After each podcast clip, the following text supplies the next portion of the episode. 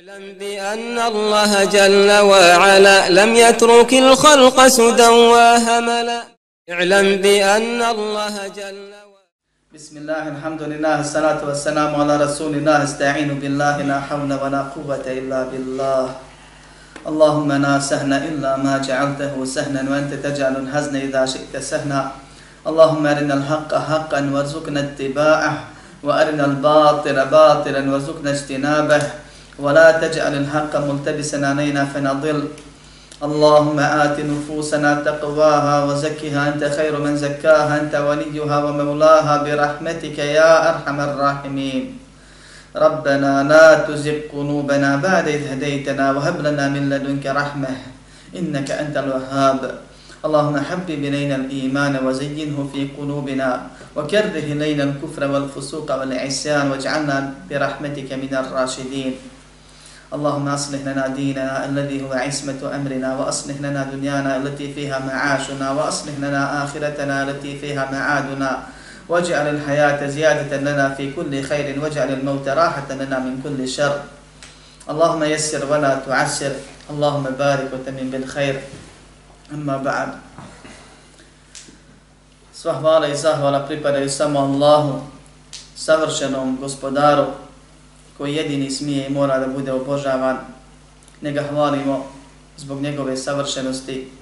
On svu hvalu zaslužuje jer se svim savršenim i potpunim osobinama opisuje. Njemu zahvalijemo na svemu što čini i na svemu što naređuje, odnosno propisuje i na svemu što određuje, to jest u vidu kadera ili sudbine propisuje. Zahvalijemo mu na blagodatima i zahvalijemo mu na iskušenjima i belajima. Jer znamo da zadovoljni sa odredbom moramo biti, a minimalno strpljivi sa određenjem ili sa onim što nam je određeno. Zato što je odredba dijelo savršenog, bezgrešnog. Od njeg pomoć tražimo za sve, jer znamo i vjerujemo da nema snage, nema moći za promjenu bilo kakvog stanja osim od Allaha subhanahu wa ta'ala. Od njeg oprost tražimo jer svakodnevno mu griješimo.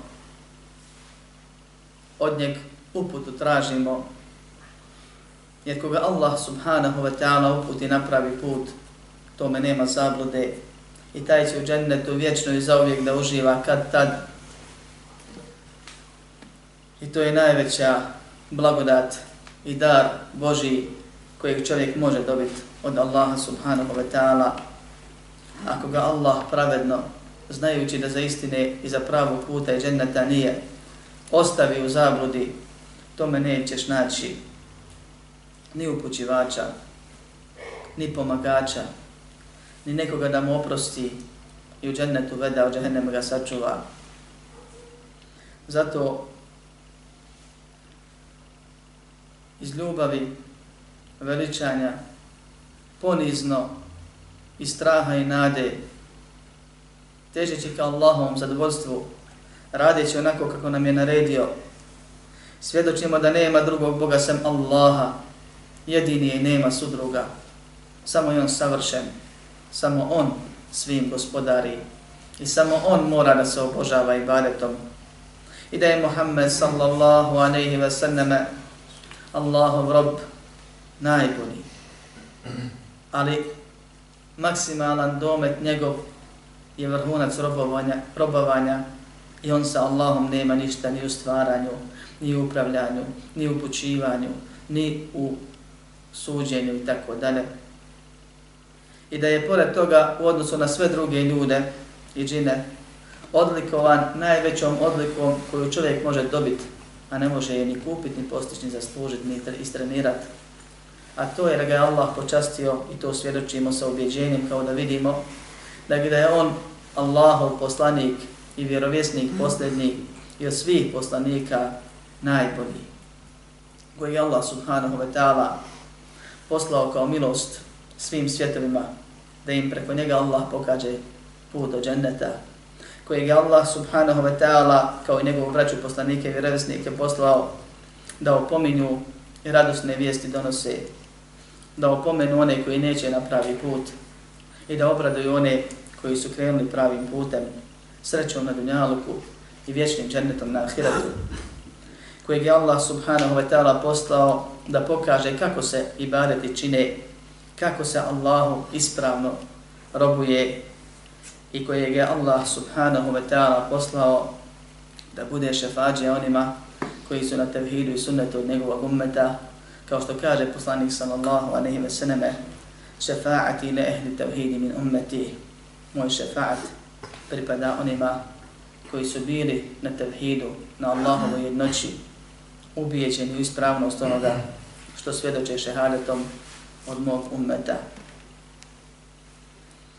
Došli smo hvala Allahu uzvišenom njegovom voljom i dobrotom i dozvolom do posljednjeg poglavlja u ovoj knjizi. Poglavlja kojim je šejh Rahimahullah zapečatio najbitniju temu. Poglavlja u kome se govori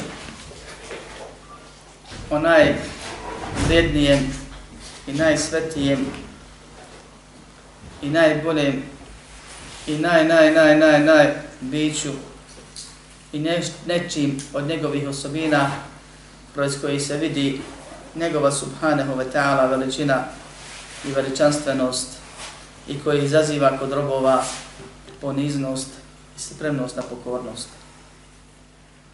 Poglavlje o riječima Allaha subhanahu wa ta'ala وَمَا قَدَرُ اللَّهَ حَقَّ قَدْرِ kao što ga je šeheh naslovio. Oni Allaha ne veličaju onako kako ga treba veličati. Tako počinje ajet i tako je šeheh spomenuo ovo posljednje poglavlje. Osnova vjeri i srži temeli ibadeta je ono bez čega ibadet nije ispravan, o tome smo govorili od prvog, pa kroz raznorazne druge drse u ovom ciklusu koji je, hvala Allahu, tajao godinu i po. A to je ljubav prema Allahu subhanahu wa ta'ala i to ljubav poniznosti i veličanja. Ljubav rab, roba prema rabu. Ljubav ibadeta koja ako se u tom obliku usmjeri nekome svema Allaha biva veliki širk i čovjeka automatski izvodi, izvodi čovjeka iz vjera automatski. Ljubav koju Allah traži od svojih robova i čiji je temelj usadio u fitri svakog čovjeka i džina i svih ostalih stvorenja. Pa ga ljudi ne razviju ili zamijene i drugima usmjeri. Ljubav koja u sebi sadrži poniznost i veličanje jer je vezana za Allahu subhanahu wa ta'ala savršenost koliko god se čovjeku poveća znanje o Allahu, toliko se poveća čovjeku veličanje Allaha subhanahu wa ta'ala, jer se divi novim osobinama savršenog, bezgriješnog, nepogrešivog, svemoćnog, najlepšeg, najjačeg. I time osjeća svoju poniznost i manjkavost u svakom smislu. I zbog toga mu se poveća ljubav prema Allahu subhanahu wa ta'ala koja ga tjera na pokornost koju pored toga radi iz straha i nade kao što Allah dobre vjernike Kur'an opisuje strahuje od Allahove srčbe i njegove kazne i gubitka njegove nagrade i njegovih blagodati. I nada se Allahu subhanahu wa ta'ala njegovoj ljubavi i zadovoljstvu prema robu. Nada se njegovoj nagradi i džennetu, nada se da potraju Allahove blagodati kojima nas obasipa, nada se oprostu grijeha i vjernik kad vjeruje, a vjerovanje biva objeđenjem riječima i dijelima, i sve od, svaka od ovih stvari po osobi je ibadet sam za sebe. Čovjeka čini ibadet. Ibadet nije ibadet ako se ne čini iz ovih pet razloga iz ovih pet osnova. Ljubav, veličanje, poniznost, strah i nada. Tek onda slijedi pokornost. Pa zato stajanje pred nekim nije širk, jer čovjek stoji iz nekakvih drugih pobuda, ne iz ovih pet. A stajanje na namazu pred Allahom je ibadet kojeg Allah voli i traži od nas da mu činimo. I kad bi neko stajao pred nekim sa istim razlogom, istim povodom, na isti način, kao što stoji pred Allahom kad mu ibadeti, to bi ga izveli iz vjeri. To bi bio širk. Ovaj uvod nam je bitan. Jer ovo poglavlje govori o obavezi veličanja Allaha subhanahu wa ta'ala. A ovom poglavlju je prethodilo nekoliko drugih poglavlja kojima smo se pripremali za ovu temu. Koliko god se čovjeku poveća veličanje, toliko mu se poveća tevhid, iman i pokornost i sreća na ovom i na onom svijetu ako Bog. Pa je bitno da znamo da je Allah sam posebi velik i to ne velik nego najveći svojim bićem. I da je Allah subhanahu wa ta'ala veličanstven, uzvišen, svevišnji, svojim osobinama. I da Allah subhanahu wa ta'ala vjerujemo da je velik i veličamo ga spoznajom i vjerovanjem u njegove osobine i veličamo ga našom pokornošću i našim ibadetima kojima mu se ponižavamo i poniznost ukazujemo i priznajemo mu potpunu ovisnost o njemu samo, kome sam njemu i time ga veličamo. Došlo je u hadisu da melek, nakon što je Israfil puhne u rog, melek koji je cijeli život bio na ruku ili na sežbi, od morođenja pa stoljećima ili milenijima koliko je Allah htio, toliko je boravio u stanju ibadeta. Nije se sekunde niti stotinike odmorio. Da kad završi svoj vijek i kad ponovno se prene nakon proživljenja, reći će subhanak ma abednake haqqa ibadetik. Slavljen si, savršen si, daleko se svake mahane. Nismo te ibadetili, nismo te obožavali onoliko koliko ti zaslužuješ. Allaha se ne može veličati onoliko koliko je zaista on velik. Jer osnova za veličanje je spoznaje Allaha subhanahu wa ta'ala, a samo Allah sebe u potpunosti poznaje. Ali čovjek mora da teži kroz život da što više napuni, ispuni, natreplje svoje srce veličanima Allaha subhanahu wa ta'ala i razlozima veličanima Allaha subhanahu wa ta'ala. I zato je između ostalog i rečeno nemoj gledat koliko je grijeh mali ili veliki, nego gledaj veličinu onoga ko prema, kome griješiš. Kaže Allah subhanahu wa ta'ala odgovarajući mušlicima. Suri Zumer. A ovaj ajet se odnosi na sve. A prije svega na one koji ne vjeruju ili širka Allahu čini. A zatim na svakog onog ko ikad pogriješi, a mi znamo da svi sinovi Adamovi griješi. Pa i na ostala stvorenja koja, koja je Allah učinio bezgriješno. وَمَا قَدَرُ اللَّهَ حَقَّ قَدْرِ Oni Allaha ne veličaju pravim, istinskim, potpunim veličanjem, to jest onako kako treba, kako on zaslužuje. Jer čovjek, ako Allahu potvrdi ono što Allah traži od nas da mu potvrdimo, da je samo on savršen, da samo on gospodari, to jest štetu i korist posjeduje, može da da ili zabrani. I da se samo on mora da moli jer kome god drugom da se moliš, on je ovisan o Allahu i uradit će samo ono što Allah dozvoli i ništa više od toga. Kad bi čovjek to vjerovao, ako što vjernici globalno vjeruju, ne bi sebi mogao dozvoliti da se obrati i baritom nekome sem Allahu subhanahu wa ta'ala. Ne bi sebi mogao dozvoliti da širka Allahu učini. I zato je to minimum veličanja Allaha subhanahu da vjeruješ u Allahovo savršenstvo, gospodarstvo i isključivo pravo na ibadet. I besmislenost pored zabranjenosti stroge i nevjerstva, činjenja ibadeta nekome sem Allahu subhanahu. Jer ibadetom voliš, ibadetom se poniziš, ibadetom veličaš, ibadetom strahuješ i nadaš pa zbog toga tražiš. Ne možeš se bojati nekoga kome Allah upravlja, nego Allah. Ne možeš se nadati od nekoga kim Allah upravlja. Ne možeš veličati nekoga koji je manjkav sa svih strana. Nijednu nema potpuno osobinu. Sem Allah subhanahu wa ta'ala. Ne može se poniziti pred nekim kome Allah dao malo više potpunosti nego tebi, a i tebi i njemu je dao Allah. On to ničim nije postigao. Ako je bolji inače od tebe, to ne znači da zaslužuje poniznost. Niko sem Allaha subhanahu wa ta'ala, jer ako je bolji i savršen nije. Nije u tome u čemu je bolji. A kamo li u nekoj drugoj osobnini. I ne možeš voljeti ljubavlju koja nema kraja. Ljubavlju veličane i poniznosti. Ljubavlju kojom voliš njega više nego sebe, nikoga sem Allaha subhanahu wa ta'ala. Ljubavlju koja te tjera na pokornost i straha da se ne udališ od onoga koga voliš.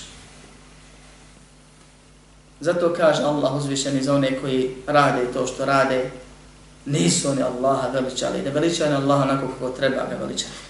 Pa onda spominje jednu od svojih osobina. Jedan dio svoje moći i svoje veličine. والارض جميعا jami'an qaddatuhu yawm al-qiyamah.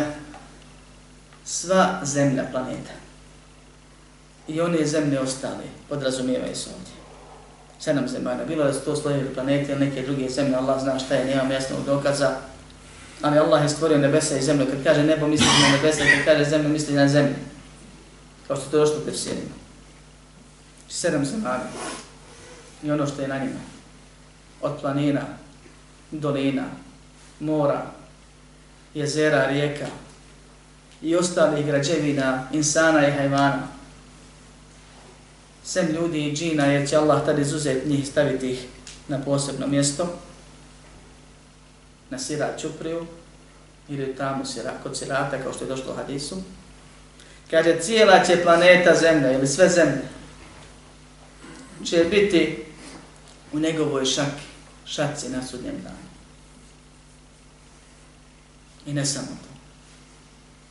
وَالسَّمَاوَاتُ مَطْوِيَّاتٌ بِيَمِينِهِ i nebesa u množini je došlo, svih sedam, će biti smotana kao list papira kad se smota. Ali ne ko insan kad smota list papira pa viri na obje strane. Jer je naša šaka manja od lista papira. Nego cijela planeta Zemlja i sve zemlje i sva nebesa će biti, kaže, smotana savijena u njegovoj subhanahu desnoj ruci kao što Allah kaže u Kur'anu. Na njegovom dlanu, kao što se može razumijeti u nekim drugim hadisima, govorit ćemo to. Ali dovoljno je da znamo da nas Allah subhanahu wa ta'ala po jednom mišljenju sad, još uvijek, a po drugom mjestu na sudnjem danu, jer će tada Allah uzvišeni smotat, pa zgužvat, pa protres, pa u nekim rivajtima došlo i smrvit. Da Allah drži sva stvorenja sedam nebesa i sedam zemalja će držati u svojoj jednoj ruci, u šaci. U stisnutoj šaci, to je kapta. Subhanahu wa ta'ala amma yushriku nastavlja gospodar svjetova dalje kaže daleko je od, od bilo koje manjkavosti. Savršen je, potpun je, i uzvišen je, daleko je iznad onoga što mu oni ravnim pripisuju. Kogod Allahu širk učini i kogod se šeitan u grehu pokori. Allah subhanahu wa ta'ala sebe čisti od toga i kaže da je daleko, da je uzvišen, da je iznad toga. Da se neko okrene nekome sam njemu subhanahu. Da se neko pokori ili zamoli nekome sam njemu nekome ko sam sebi ne može koristiti. Ko sam sebi štetetu ne može nanijeti. Ljudi pokušaju samoubistvo pa ne uspiju. Jer Allah nije odredio. Može sebe da ubije, da nekom drugog ne ubije. Cijeli život radi da sebi koristi, pribave i opet pribave onoliko koliko mi je suđeno, ni manje ni više. Bez obzira na količinu uloženog truda. I metode. I pomoć onih koji su im pomagali. Opet se zadrži na nekoj granici, možda bude iznenađen pa je dobio više nego što je očekivao, u većini slučaja bude razočaran, a cijeli život se trudio za korist. Međutim, uspio onoliko koliko mu je suđeno. Ne možeš seba, kamo li drugom, koristiti, štetiti. Pa čime, zbog čega onda neko da se tebi ili bilo kome ostvorenja obraća za bilo koju potrebu, a pogotovo i baretom. Nakon toga Allah subhanahu wa ta'ala kaže وَنُفِخَ فِي السُّورِ فَسَعِقَ مَنْ فِي السَّمَاوَاتِ وَمَنْ فِي الْأَرْضِ إِلَّا مَنْ شَاءَ اللَّهِ ثُمَّ نُفِخَ فِيهِ أُخْرَى فَإِذَا هُمْ قِيَامٍ يَنْظُرُونَ Puhnući se u rok. Pa će pomrijet sve što je na nebesima i sve što je za zemlju, osim one koje Allah izuzme. Zatim će se drugi put puhnut, pa će oni samo, kaže, stojeći progledati. Allah subhanahu wa ta'ala ovdje govori o sebi kroz stanje svojih najvećih stvorenja. Najveće što mi znamo od stvorenja koja postoje je da ima džahennem koji je ispod sedam zemalja po jednom mišljenju koji smatramo najispravnijim. Da iz njega se nalazi sedam zemalja, a zatim mi i džini i hajvani, ono što vidimo. Da se iznad nas nalazi prostor između neba i zemlje, koji se zove zraka, zovu ga nebo, danas popularno. Da se iznad tog zraka nalazi sedam nebesa, a između svakog prostor određeni. Da se iznad neba nalazi kursi i arš i tu negdje između shodno različitim rivajetima more i da je Allah gospodar svjetova daleko iznad svih svojih stvorenja, iznad arša kao što se na sedam mjesta direktno tako opisao, to jest nas o svom stanju obavijestio. Pa mi vjernici vjerujemo u Allaha i vjerujemo u Allahu što kaže. Džennet i džehennem će se dovesti na jedno mjesto blizu. A ovo ostalo, sedam zemana i sedam nebesa u Allahu u šaku. Ljudi i džini će za to vrijeme kasnije kad ih Allah uništi. Kad nestane neba i zemlje na način koji je opisan u sura Muhammed ljudi će se nalaziti po tamom sirata, ali to je nakon što budu proživljeni. Međutim, kaže Allah uzvišeni, puhnuće se u rok. Pa će pomrijeti sve što je na nebesima i na zemlji. Ko će puhnuti u rok? Ko puša u rok? Melek i. Dobro, Melek. Nije Melek. Allahov rob ponizni i pokorni jedno od njegovih stvorenja. Allah kaže budi ili puhni, a on već čeka sad. Naslonio rog na usnu i čeka. I na čule uši. Kad će mu biti rečeno da puhne? Pa kad puhne, i kad Allah kaže budi ili puhni, i kad jedno Allahovo stvorenje puhne u rog, sva stvorenja pomru. A šta da je Allah progovori? E to se ne može porediti. I kad god Allah govori o snazi, veličini i lepoti moći stvorenja, to je dokaz nama da pomislimo koliki je i kakav je tek onda onaj koji ih je stvorio. Sjećamo se poglavlja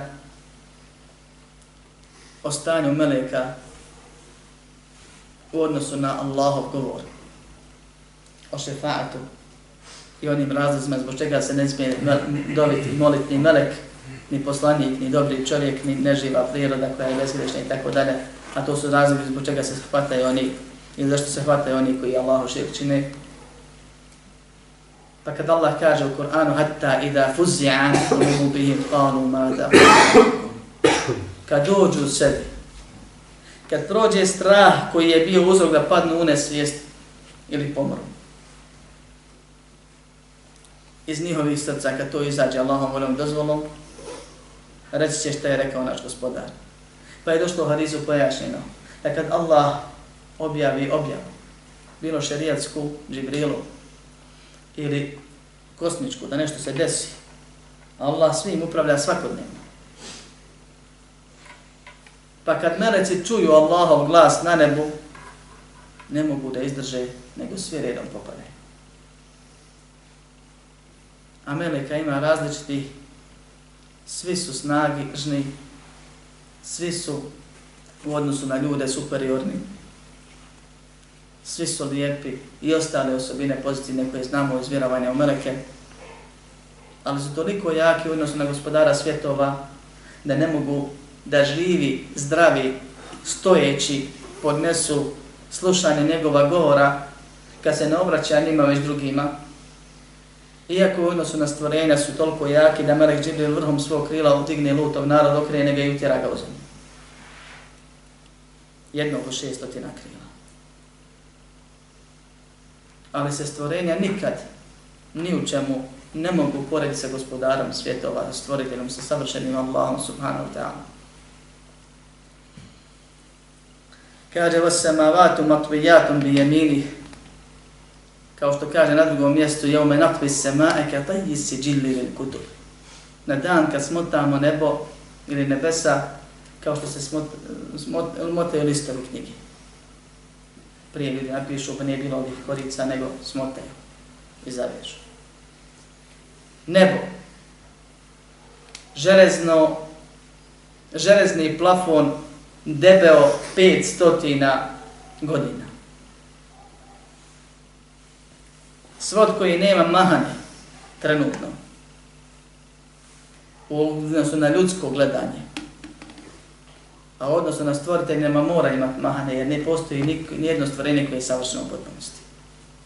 Ali kaže Allah, pogledajte, možete naći ikakvu mahanu. Nesklad, nered, toliko jako, toliko čvrsto, stoji na svom mjestu, ni na nebu drugom, ni na zemlji, nego između. Bez stubova. Allah ga održava. I kad bude htio smota, svi sajno bez problema. A meleki ne mogu da prođu dok im se vrata ne otvore kad pođu da obave zadatak koji je Allah poslao. Kema bede'na awwala halqin nu'iduh va'dan alejha, alejna, inna kunna fa'ilin. Kaže kao što smo vas prvi put stvorili, ponovno ćemo to učiniti, to je naše obećanje i to ćemo raditi. Allah subhanahu wa ta'ala kaže i nastavlja dalje u ajetima koji su bitni i koje ćete naći na zadnjoj stranici sure Zumar, pa se vratite, jer mi moramo ići dalje za Allahovu pomoć. Kaže Allahu poslanik sallallahu alejhi ve sellem u hadisu koji bilježi Ibn Mas'ud odnosno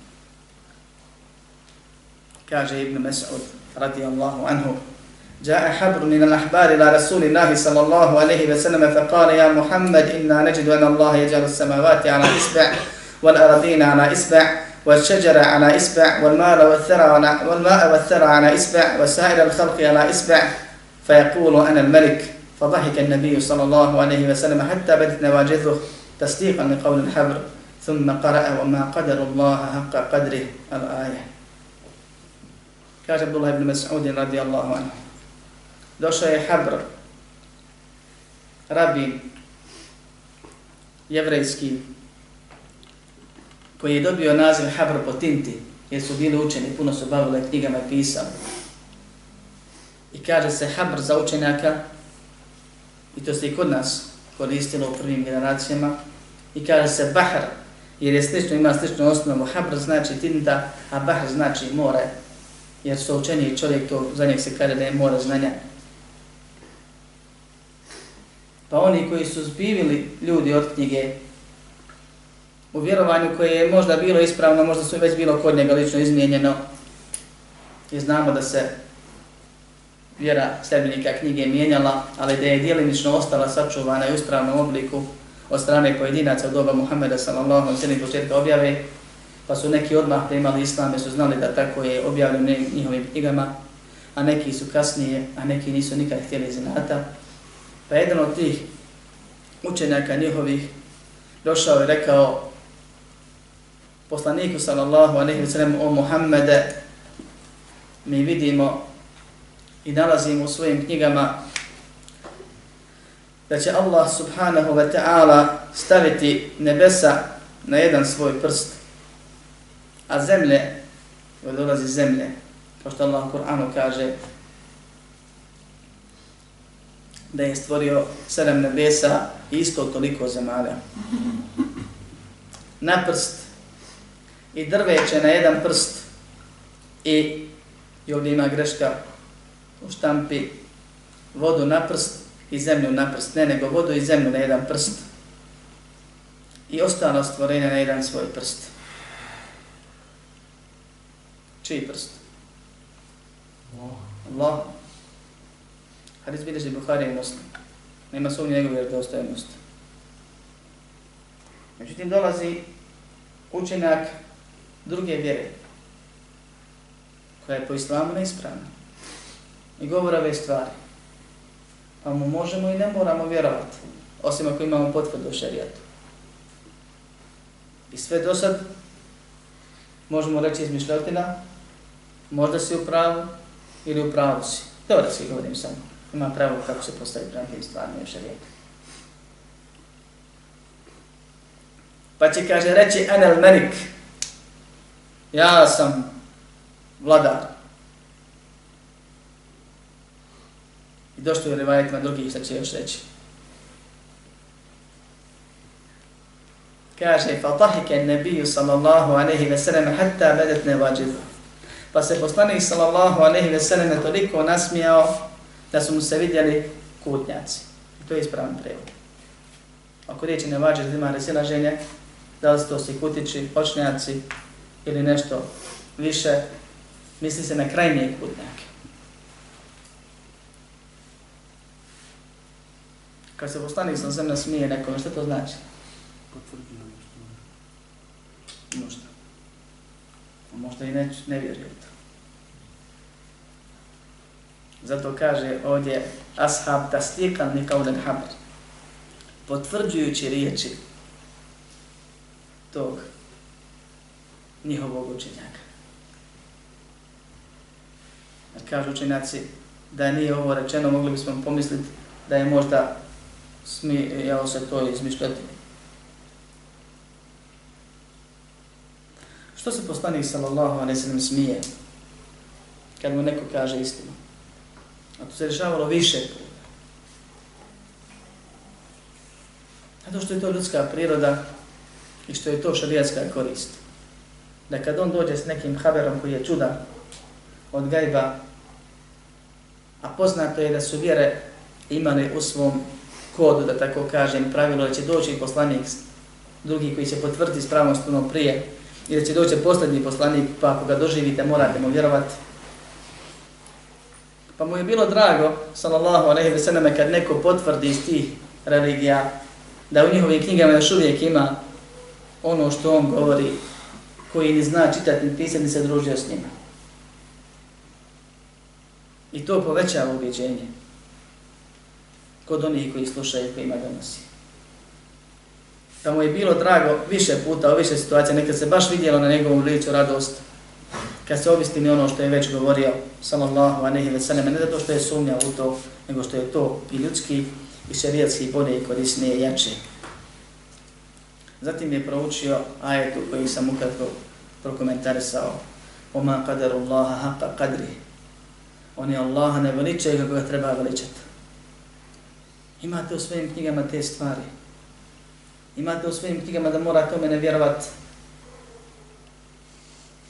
i iz inata nećete. I ovo jedan od dokaza da se može odnositi na bilo kog ko radi suprotno Allahom šarijatu, koji izaziva Allahovu sržbu, koji radi u korist svoje štete, koji radi suprotno Allahovoj vjeri, a ne samo na mušrike kao što je spomenuto u kontekstu. A je tako je došao u Koranu.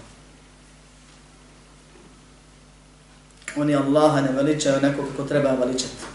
Oni Allaha i njegove svetine ne poštuju onako kako treba poštovati. A cijela zemlja će biti u njegovoj šaci na sudnjem danu i nebesa smotana u njegovoj desnoj ruci. Savršeni i daleko od onoga i uzvišen od onoga što moralnim smatraju. U muslimom rivajetu stoji planine i drveće na jednom prstu, a zatim će sve to, kaže, protresti i reći enel menik, en Allah. Ja sam vladar, ne kaže vlasnik. Iako je Allah i vlasnik i vladar. Jer je vladar više od vlasnika. On upravlja i uređuje i posjeduje jedini ono čim vlada. Ja sam, kaže, vladar, ja sam Allah. Gdje su vladari? Gdje su oholni? Gdje su oni silni?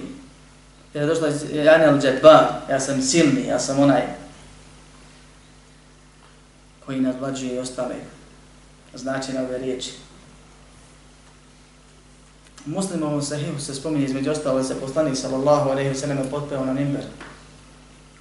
Zatim citirao hadis da će Allah uzeti i staviti nas pet prsti u svoje ruke i mi vjerujemo da Allah ima ruku i da Allah ima prste i da oni nisu slični nijednom stvorenja i da je to svojstvo osobina potpunosti, a nemenkavosti.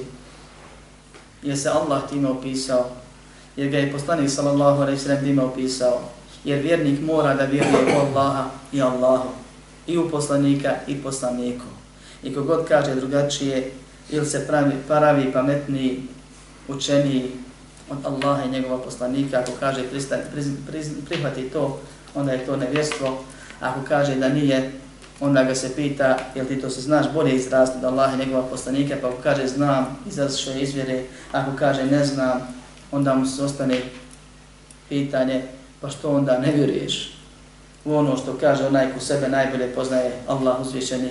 I onaj koga od ljudi najbolje poznaje poslanik Muhammed sallallahu alejhi ve poslan ljudima s tim ciljem da ih upozna sa gospodarom i oni koji se najbolje izražavaju a to je Allah subhanahu wa ta'ala u njegovoj knjizi a zatim najbolje izražavanje u arabskom jeziku je bio Muhammed sallallahu alaihi wa sallam. Pa nema mjesta tumačenju pogrešnom. Šta god Allah obavisti o sebi, mi kažemo, vjerujemo, vjerujemo, vjerujemo da je tako. Kako? Ne znamo kako, ali je tako. Znači, ne mijenjamo nego ga prihvatamo. A da bismo znali kako je nešto, moramo ga ili vidjeti, ili s nečim poznatim uporediti, a znamo da se Allah ne poredi nišćim i da njemu ništa nije slično i da je on poseban da je on savršen, da je on potpun, ali ujedno vjerujemo ono što nam Allah kaže. Poslani sa svim se popio na mimber i spomenuo ove stvari i rekao je da će Allah nakon toga protresti, kao što ovdje kaže, i reći ja sam vladar, ja sam Allah, pa je poslanik sallallahu alejhi ve skupio svoju ruku i protresao do te mjere da se mimber ispod njega potresao. I to nije, braćo moje, poređenje nego znak svima nama i povećanje ubjeđenja ashabima koji ga slušaju i odgovor svima onima koji pokušavaju da svojstva protumače Ankarabem pogrešno. Da kaže da, to je skupljanje, to je potresanje. Sa ubjeđenjem, sa srcem punim veličanja Allaha subhanahu wa ta'ala, ne poređene sa stvorenjima. Muhammed a.s. se peni na mimber da ga svi vide u džamiji, a nije bila džuma i pokazuje da je to zaista tako, da je to skupljanje, to nije neko vladanje, ovlađivanje, kontrolisanje, ne znam nija kako tumači. Da je to potresanje. Kaže Ashab, govorio sam se da neće s mimbera koliko se ljuna. Također, kad je objavljen ajet da Allah sve čuje i sve vidi, poslanik sallallahu alaihi ve sellem je pokazao ovako. Sve čuje i sve vidi. Da ljudi znaju da je to stvarni sluh i stvarni vid, ali onako kako njemu doluke je savršeni sluh i savršeni vid, a ne kako ljudi misle.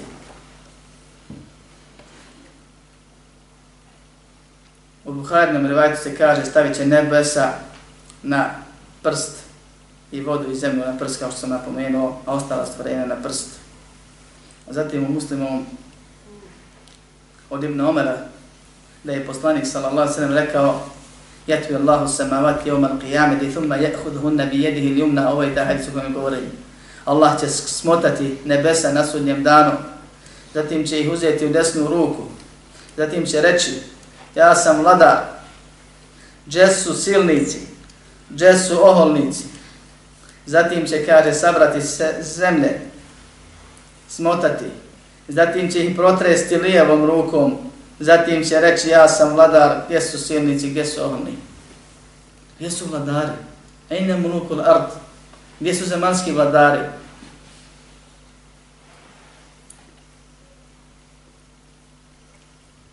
Kad će ovo Allah uraditi?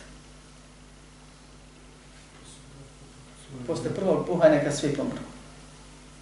I njihove duše i tijela, ili oni budu, njihove duše budu u tami ispod ili kod cirata. Nakon toga, kad svi budu nestali, pa i meleci, i kad naredi meleku smrti, nakon što je svima drugim ozio dušu, da sam ispusti dušu u bolnom kriku, jauku, i kad ostane gospodar svetova sam od živi, jer on jedini od uvijek i za uvijek živ. prije nego odluči, odredi da se pro, proživi stvorenja ponovno i da im sudi, reći će ovu stvar. I pitaće kao što stoji u Kur'anu, limenil mulku lijevum, kome sad vlast pripada? Gdje su vladari? Gdje su oni koji su ime vlasti radili grijehe? Gdje su oni koji se silili na drugima? Gdje su oni koji su vjeru i vjernike ponižavali, protiv njih se borili?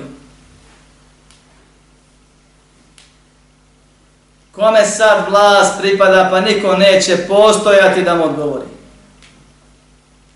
Pa će sam sebi reći Ulillahi l-vahid il-qahar. Allahu jedino, svemoćno, koji sve druge savladava. A zatim će narediti meleku kad po jednog po jednog bude proživljavao i strafilo da ponovno puhne. Pa će puhnuti I opet zbog samo jednog puhanja desit će se čuda, a ne čudo. Sav dunjalo da se sakupi. Da oživi jednog mrtvog čovjeka nakon što dušu ispusti, ne može učiniti.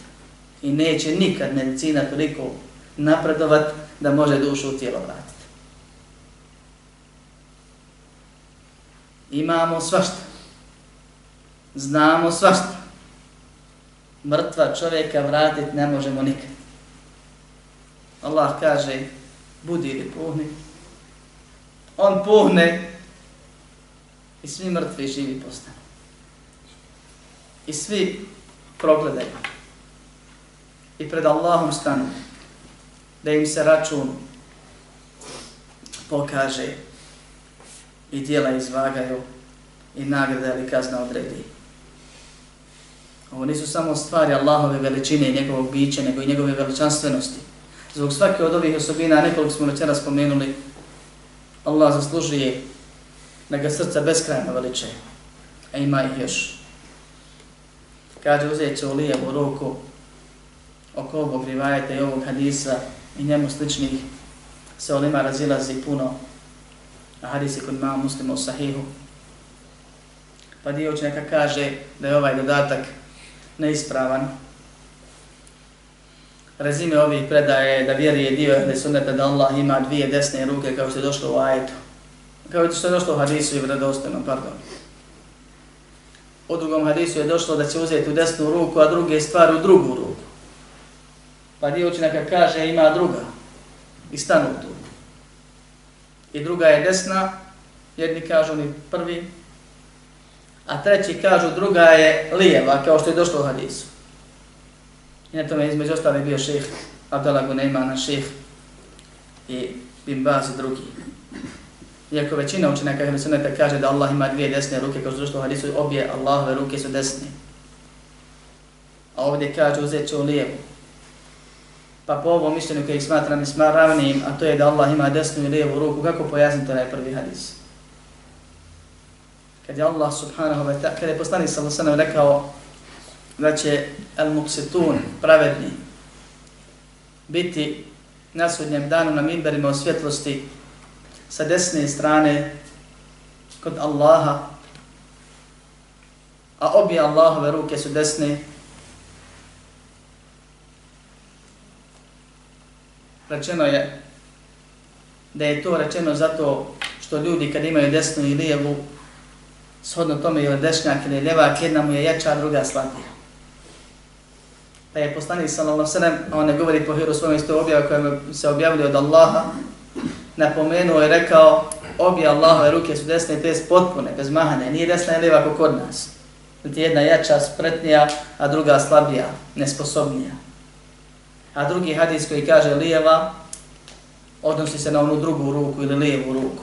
I ehli sunnet vjeruje da Allah subhanahu wa ta'ala ima dvije ruke koje su savršene, potpune, koje ne liče ni ničije ruci od onoga što znamo ili zamisliti možemo, da se te ruke opisane između ostalog glanom i šakom, da te ruke bivaju ispružene i da je Allah njima daruje puno i da te ruke bu, budu skupljene po, kad hoćemo. To ono što nam je obavestino, ne ulazimo ono što ne znamo. Kao što je slučaj sa tresanjem, drmanjem, raspadanjem, uništavanjem nebesa i zemlje, da te ruke su opisane da imaju pet prstiju koji su savršeni i u to mi, alhamdulillah, ne sumnjamo kao što ne sumnjamo postajanje Allaha subhanahu wa ta'ala, a teško onima koji bez dokaza prepravljaju Allahom govor i govor njegova poslanika Muhammeda sallallahu alaihi wa sallam. Od Ibn Abbas se prenosi da je rekao sedam nebesa i sedam zemalja na dlanu milostivog su poput zrna maka ili zrna bibera u ruci nekog od nas. U hadisu je došlo,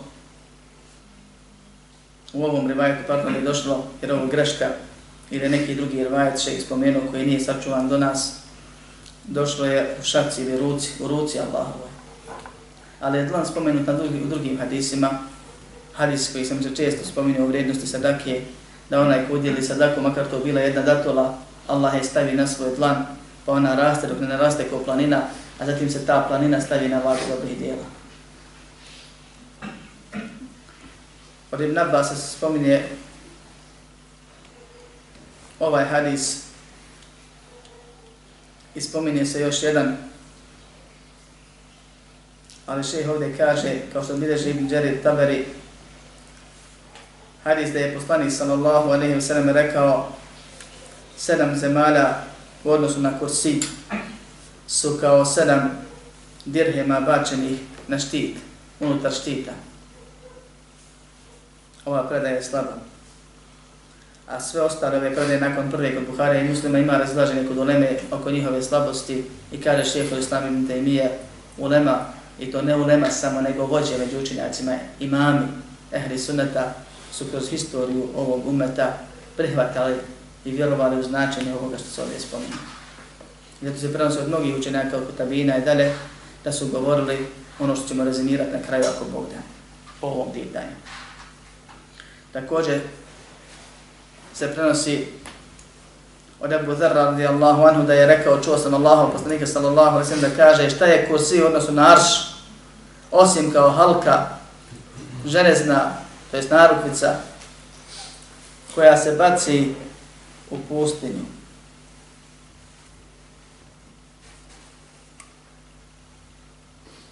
Prije nego pređemo na ostale, jer zadnje dvije predaje imaju drugu temu, moram ovo pojasniti. Ehli sunnet vjeruje i mnogi učenjaci među ehli sunnetom da poslanik sallallahu aleyhi ve sallame i njegovi ashabi i oni koji su od njih znanje uzeli kad govore o stvarima gajba, niko od njih te stvari nije vidio. Poslanik je nešto vidio na Mi'rađu. A većinom govori o onim stvarima koje mu se obavijesti, kojima, koje mu dođe objavu. Kad Ashab priča o stvarima koje su nevidljive, znači da je čuo poslanika sa osrem i tako da.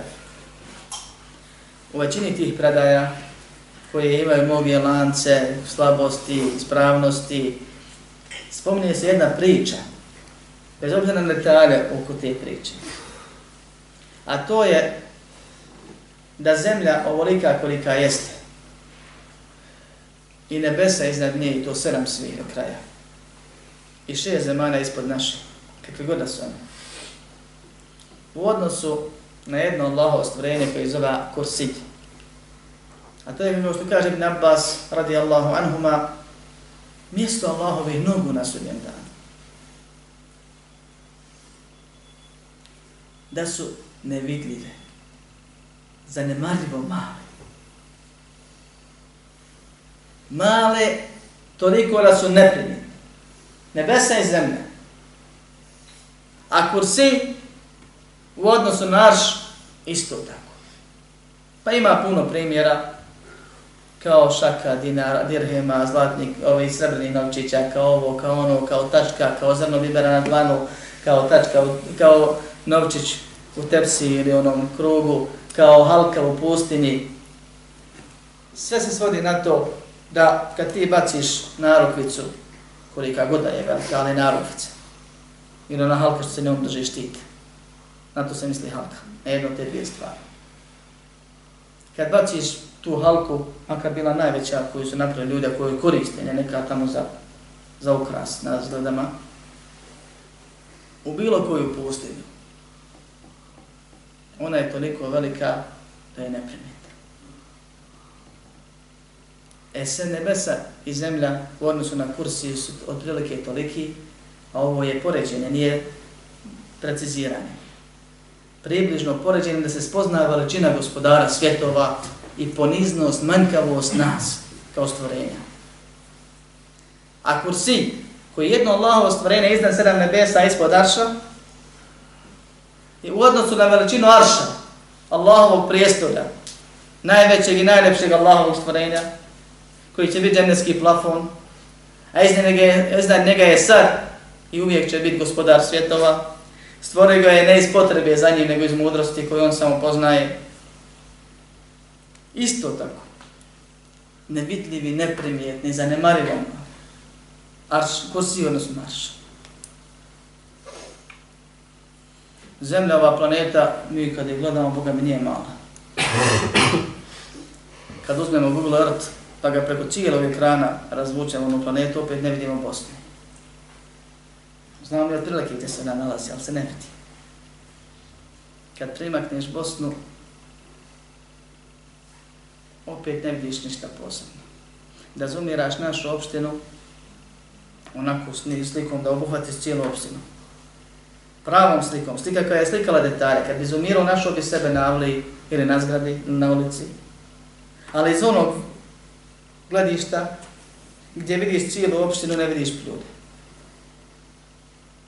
Pa koliki si tek ti, o čovječe, u odnosu na omanja Allahova stvorenja poput neba. Jer je on zanemarivo mali odnosu na kursi, a kursi odnosu na arš. Koliki si ti, o čovječe, o grešniče, odnosu na gospodara svjetova, koji je i kojem svakog dana, makar pet puta, kroz farz, kad ga počneš, kažeš Allahu akbar. Allah je najveći. Za Arš ibn Abbas kaže, ne zna njegov veličinu osim Allah. Allah je neuporedivo veći od svakog svog stvorenja. Pa je odašao.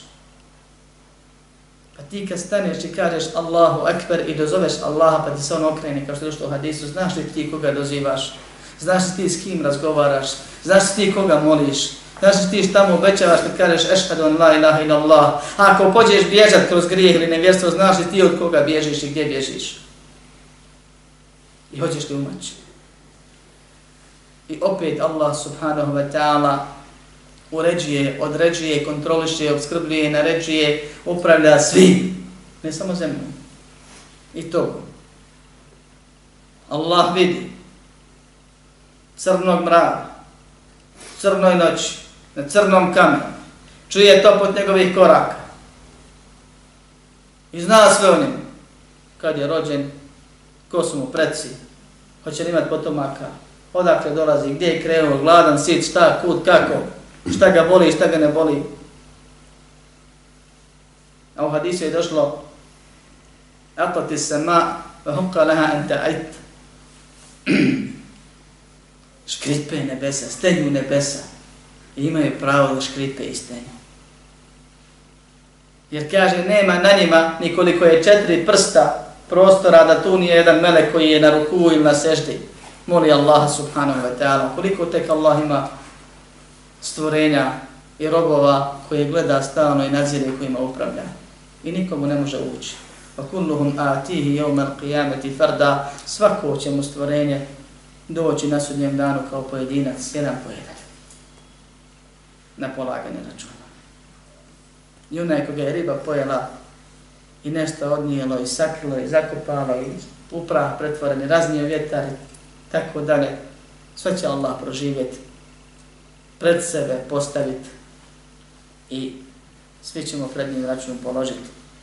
Pa čovjek mora da kroz ove i druge stvari s jedne strane spoznaju Allaha kroz njegove osobine i imena, a s druge strane razmišljanjem o Allahovim stvorenjima, velikim i malim, raznoraznim, spozna veličinu i veličanstvenost Allaha subhanahu wa ta'ala, pa se potom u životu vlada.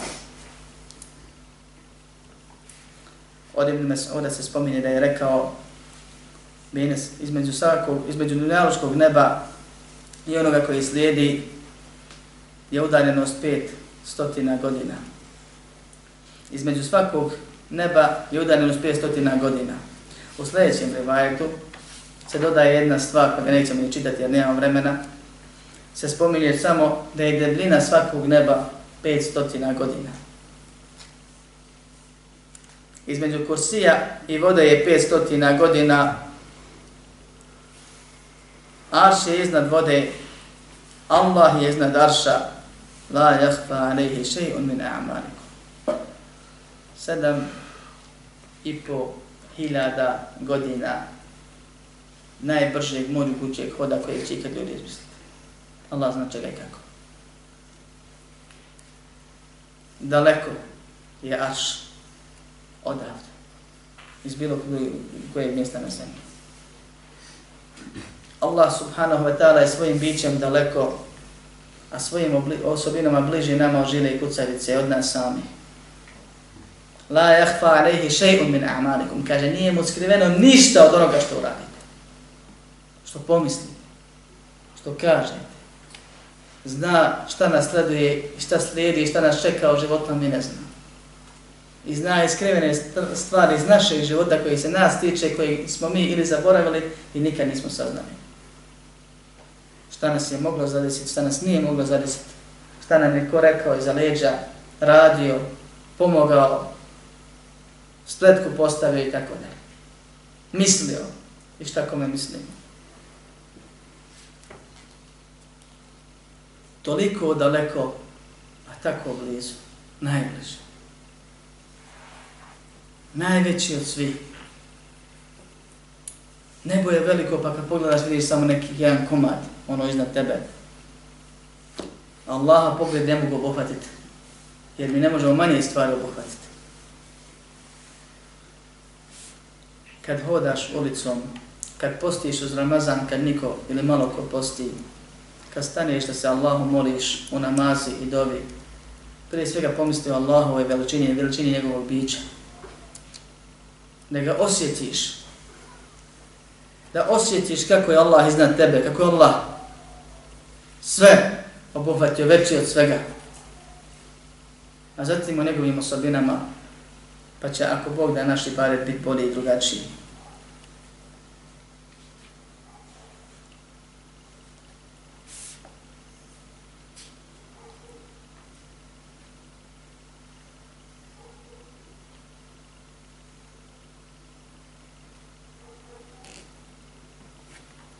To bi bilo ono što je Allah subhanahu wa ta'ala dao da se kaže vezano za ovo poglavlje. I to bi bilo ono što je Allah subhanahu wa ta'ala dao da se kaže vezano za ovu knjigu. Allah subhanahu wa ta'ala daje svojim robovima šta hoće. I sve što nam dao od blagodati je čista dobrota od njega. Mi znamo da ni uputu ni korisno znanje, ni shvatanje vrijednosti dersa i njegovo prisustvovanje nismo zaslužili. To je čista blagodat od Allaha subhanahu wa ta'ala. Ovim je završen komentar koji je godinu i pol trajao knjige Tevhida. Hvala Allahu uzvišeno. Ova knjiga je vrijedna zbog vrijednosti onoga o čemu govori. Ova knjiga je najbitniji priručnik čovjeku. Ili ova tema. Knjiga koju su komentarisali mnogi velikani islamskog umeta nakon što je napisana. Zbog onoga što u sebi sadrži. Knjiga koju je obaveza da uče na pamet i poznaju njen komentar, makar ukratko, student islamskih nauka u zemljama gdje se vodi briga o tevhidu i sunnetu.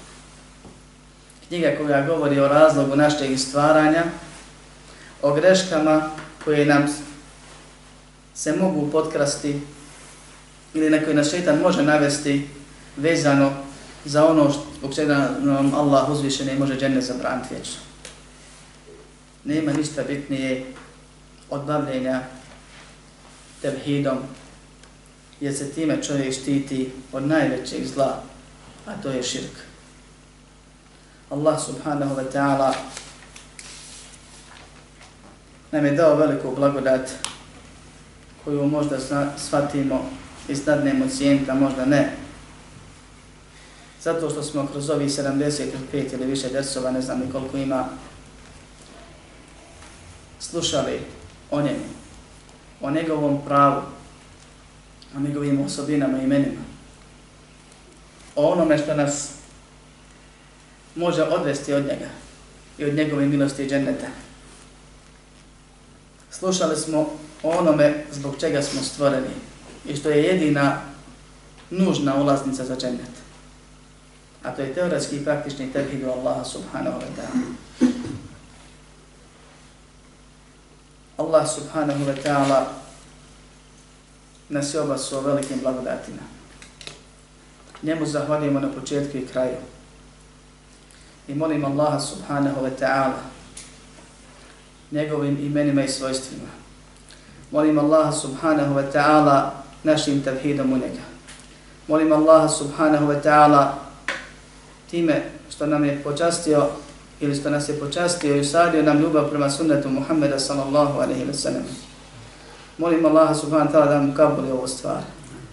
Da nas sastavi u džennetu, a sačuva u džahennama.